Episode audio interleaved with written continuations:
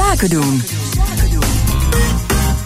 Het is vrijdag en dat betekent dat de tijd weer aangebroken is voor jonge ondernemingen om zichzelf op de kaart te zetten. Dat doen ze via een pitch en het doorstaan van een vragenvuur. Vandaag is het de beurt aan Miguel van Bodegom, oprichter van Cortexter, om zijn bedrijf te pitchen. Fijn dat je er bent. Goedemiddag. En naast jou staat Maasbert Schouten van Maas Invest. Maasbert, ook fijn dat jij er bent. Ik was wel heel blij dat je die work-life balans uh, vraag niet aan mij stelde. nee, maar bij jou, jij kent geen rijmen meer van mij. Tenminste, dat denk ik. Ja. Je werkt veel te hard, toch? Dat kan ik niet ontkennen. Maar als, al zou ik inderdaad, net als Evelien, het niet zo snel te hard noemen. Maar ik heb er, ik heb er lol in. Mooi zo. Nou, uh, zorg dat je ondanks al dat harde werken vandaag ook weer scherp bent om te luisteren naar de pitch van Miguel. Hij gaat namelijk, uh, als jij er klaar voor bent, beginnen. Ben ik hoor. Mooi zo. Succes. Dankjewel. Um, nou, Korttesten is er voor recruiters en HR-managers. Um, eigenlijk willen deze partijen veel meer kandidaten voor hun vacatures. Uh, Tegelijkertijd willen ze ook uh, een positieve bijdrage doen aan de diversiteit op de arbeidsmarkt. Iets wat zeker de laatste tijd erg veel in het nieuws is, waar heel veel bedrijven mee, mee spelen. Um, en onze software die uh, biedt tekstanalyse, biasdetectie en vacatureoptimalisatie. Zodat er meer kandidaten geneigd zijn om ook daadwerkelijk op die vacatures te gaan reageren. Um, we hebben in de huidige praktijk in HR-land eigenlijk vooral trainingen om dit goed op te lossen. Trainingen die gaan wel eens over creatief schrijven, die gaan over technisch schrijven, soms combinatie ervan, maar eigenlijk altijd dat je elke vacature die zo'n recruiter nadien schrijft, hoop je dat je uh, voldoende uh, kandidaten gaat uh, vinden. En onze software die zorgt dat je op 14 criteria continu checkt en feedback krijgt.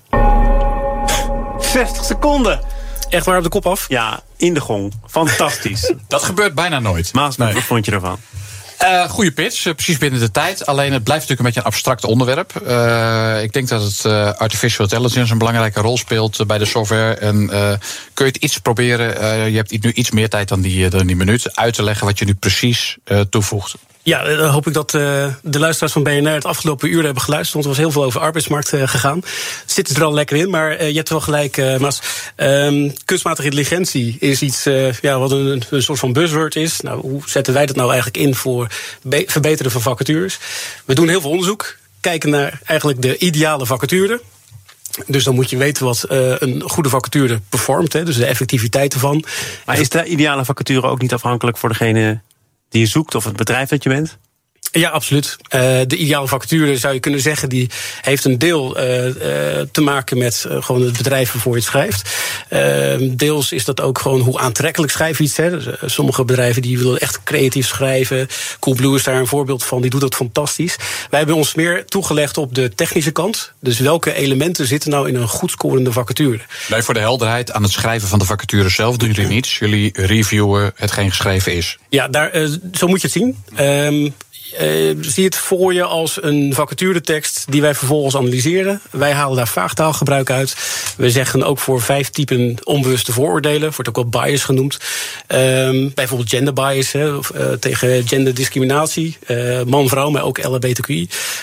leeftijdsdiscriminatie gaan we tegen. Nou, dat, dat checken wij. Wij signaleren niet alleen, maar we geven ook de schrijver van de vacature alternatieven en suggesties, zodat ze dat gelijk kunnen verbeteren niet geheel onbelangrijk, het businessmodel. Uh, je werkt samen, of je, sorry, ik zeg het verkeerd, je in, bent geïntegreerd in verschillende andere pakketten. Klopt, ja. Is dat het businessmodel om vanuit daar ook zelf revenue te genereren? Of uh, kan iemand ook jouw uh, pakket rechtstreeks afnemen? Uh, al dan niet vervolgens integreren in het pakket waar die mee werkt? Ja, allebei. En om daar gelijk een nuance bij te geven. Uh, wij zijn op dit moment uh, bij drie pakketten die veel worden gebruikt in Nederland, zijn we geïntegreerd. En de distributie is dus van onze software via die platformen.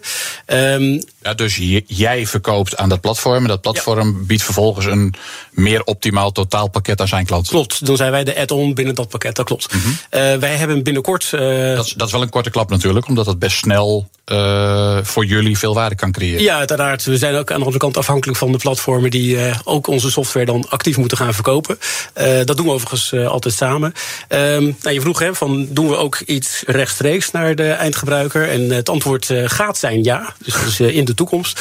wij zijn op dit moment bezig om, om een eigen stand-alone product neer te zetten. -hmm. Zodat ook mensen die niet gebruik maken van zo'n platform toch onze software kunnen gaan gebruiken.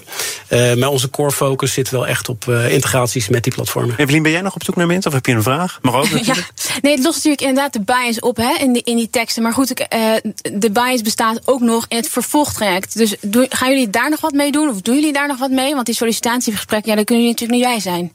Nee, dat klopt. Um, er zijn in het traject van het uh, recruitmentproces uh, heel wat stappen waar je behoorlijk wat bias in kan hebben. En helemaal terecht wat je zegt. Uh, zelfs bij de inlane manager van de klant van de recruiter ja. zou je kunnen zeggen.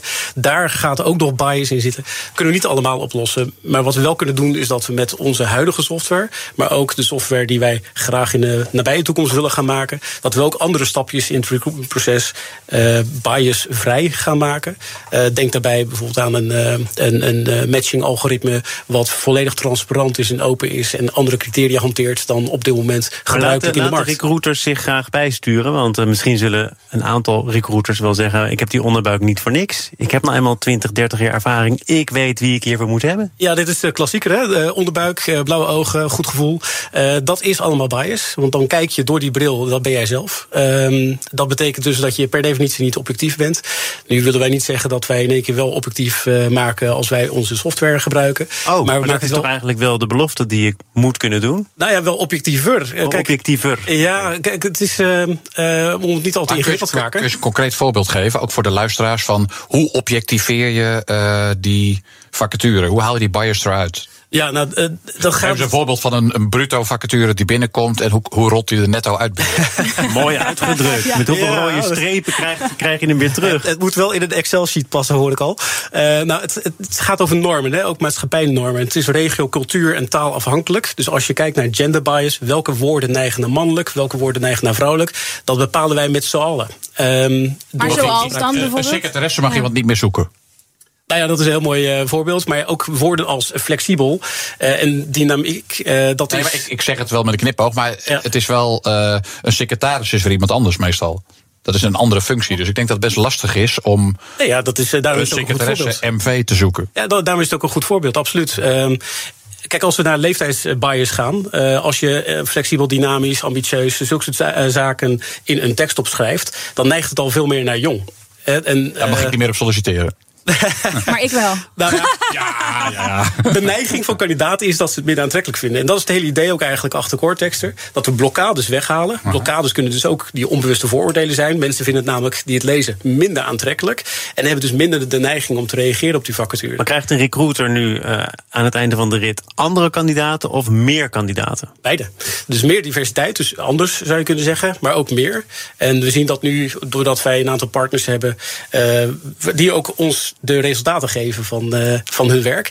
Uh, dat zien we namelijk normaal gesproken niet in onze software. Want we, we kijken maar een heel klein stukje van het recruitmentproces. Maar vanaf het begin eigenlijk hebben we al een aantal partners die ons uh, heel erg daarin meenemen. En, maar heb je wat data, dus wat succesdata? Van, hè, wat, wat heb je bereikt bij een aantal partijen bijvoorbeeld? Uh, ja, uh, er was één mooi voorbeeld. In het hoge noorden van het land in Groningen. Uh, nog voor de aardbevingen. Ehm, daar hebben ze een, een een megatronica-monteur gezocht. Nou, dat is in heel Nederland ingewikkeld. Uh, ook voor al die anderen, uh, die hebben we vanmiddag gezegd, dat is allemaal ingewikkeld. Maar het, het, uh, het is een feit dat daar nul kandidaten op die vacatures afkomen. En het is gelukt om daar twee kandidaten op überhaupt op af te laten komen. En die hadden wel een iets ander profiel dan de gebruikelijke kandidaten in het verleden hadden. Dus daar welke rol speelt jouw software daarbij? Jij suggereert een beetje dat de twee kandidaten anders niet gekomen waren, wel gekomen waren ja. door je software. Maar dat vind ik wel een bouwstelling. Dus ik ben heel benieuwd hoe je die wil uh, onderbouwen. Nou, de, laagdrempeligheid die, uh, die uh, heeft ervoor gezorgd, in ieder geval, dat kandidaten het interessant genoeg vonden om erop te reageren. Dus hoe, dat is, hoe is het laagdrempelig geworden dan? Um, door onze checks uh, daarin te zetten. Dat is niet alleen bias. Dat gaat ook over complexiteit van taalgebruik bijvoorbeeld. Nou, in dit geval was een vacature wat te hoog taalniveau geschreven. Mm Waardoor mensen die zeggen: hey, ik snap niet alles van deze vacature. het ook vaak minder interessant vinden en ook minder geneigd zijn om uh, te solliciteren. Uh, dus daar zaten een aantal duidelijke verschillen in met ja, zeg maar de eerdere vacature die ze op de markt hebben gegooid. En de vacature die ze hebben gebruikt nadat ze onze software hadden gebruikt. Die check gaat 100% geautomatiseerd? Of uh, komt er ook nog een mensoog bij kijken? Uh, er komt zeker mensen bij kijken, want we doen suggesties. Uh, de recruiter is altijd in de lead. Uh, en dat betekent dat hij zelf bepaalt of hij wel of niet bepaalde suggesties van ons overneemt. als wij zeggen dat zinnen te lang zijn, te langdradig, dan kan iemand ervoor kiezen om dat te laten mij als investeerder dus wel minder sexy, omdat het minder schaalbaar is. waarom maakt het minder schaalbaar? Nou, omdat je handjes nodig hebt en ogen nodig hebt in plaats van alleen een systeem. Uh, nee, ik heb het over de gebruiker. Dus de recruiter die, uh, die checkt altijd zelf in het gebruik. Dat begrijp ik, maar mijn vraag was uh, bij jullie. Gaat het bij jullie helemaal geautomatiseerd? Of kijkt er ook bij jullie nog iemand mee naar wat er... Oh nee, nee, nee, nee dat is puur, puur software. Dus bij ons is gewoon echt... de gebruiker gebruikt onze software, er zitten geen mensen achter. Hoe ver ben je nu met, met het systeem? Ik kom erop omdat ik op jullie eigen site op zoek was naar vacatures voor mensen die misschien wel bij jullie wilden werken. En toen zag ik, ons product gaan we natuurlijk ook zelf gebruiken, maar we moeten nog even geduld hebben voordat het live is. Oh ja, dat is uh, bij onze vacaturepagina uh, inderdaad. Um, de website klopt niet meer, begrijp ik. nee, dit is. Uh, laten we zo zeggen, een beetje slordig voor onszelf. Mm. Mooie tip, Thomas. Um, ja, kijk, wij, onze... Ik ben niet concreet op zoek naar een andere baan hoor, maar gewoon. Nee, nee, nee. nee wij, wij, onze integraties die, uh, die uh, werken al een tijdje. Je hebt waarschijnlijk ook de nieuwspagina gezien als echte mediaman. En daar mm. staat ook dat wij niet alleen maar de funding hebben gekregen, die funding hebben gekregen door een serieuze partij, die ook echt hebben gekeken naar de schaalbaarheid. Wat heb je nog nodig dan? Want geld is kennelijk geen issue. Jammer, Maaspert. Ja, ja ik, ik, hou mijn centjes op zak dit weekend.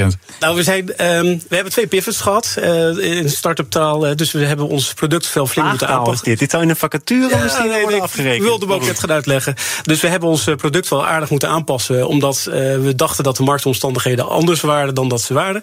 Daar kom je natuurlijk als start-up heel snel achter. hebben naar geluisterd. En vandaar dat we de huidige distributie ook hebben gekozen hè, via andere platformen.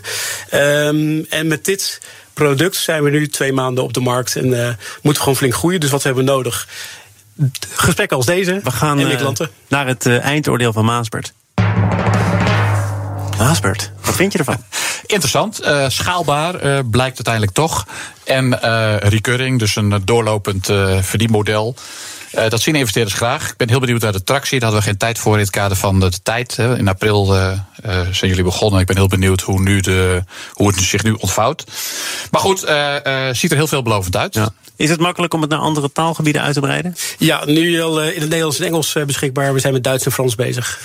Succes ermee. Dankjewel. Miguel van Bodegom van Cortex. En natuurlijk ook onze beoordeler Maasbert Schouten van Maas Invest. Wil je ook komen pitchen? Mail dan naar zaken.bnr.nl.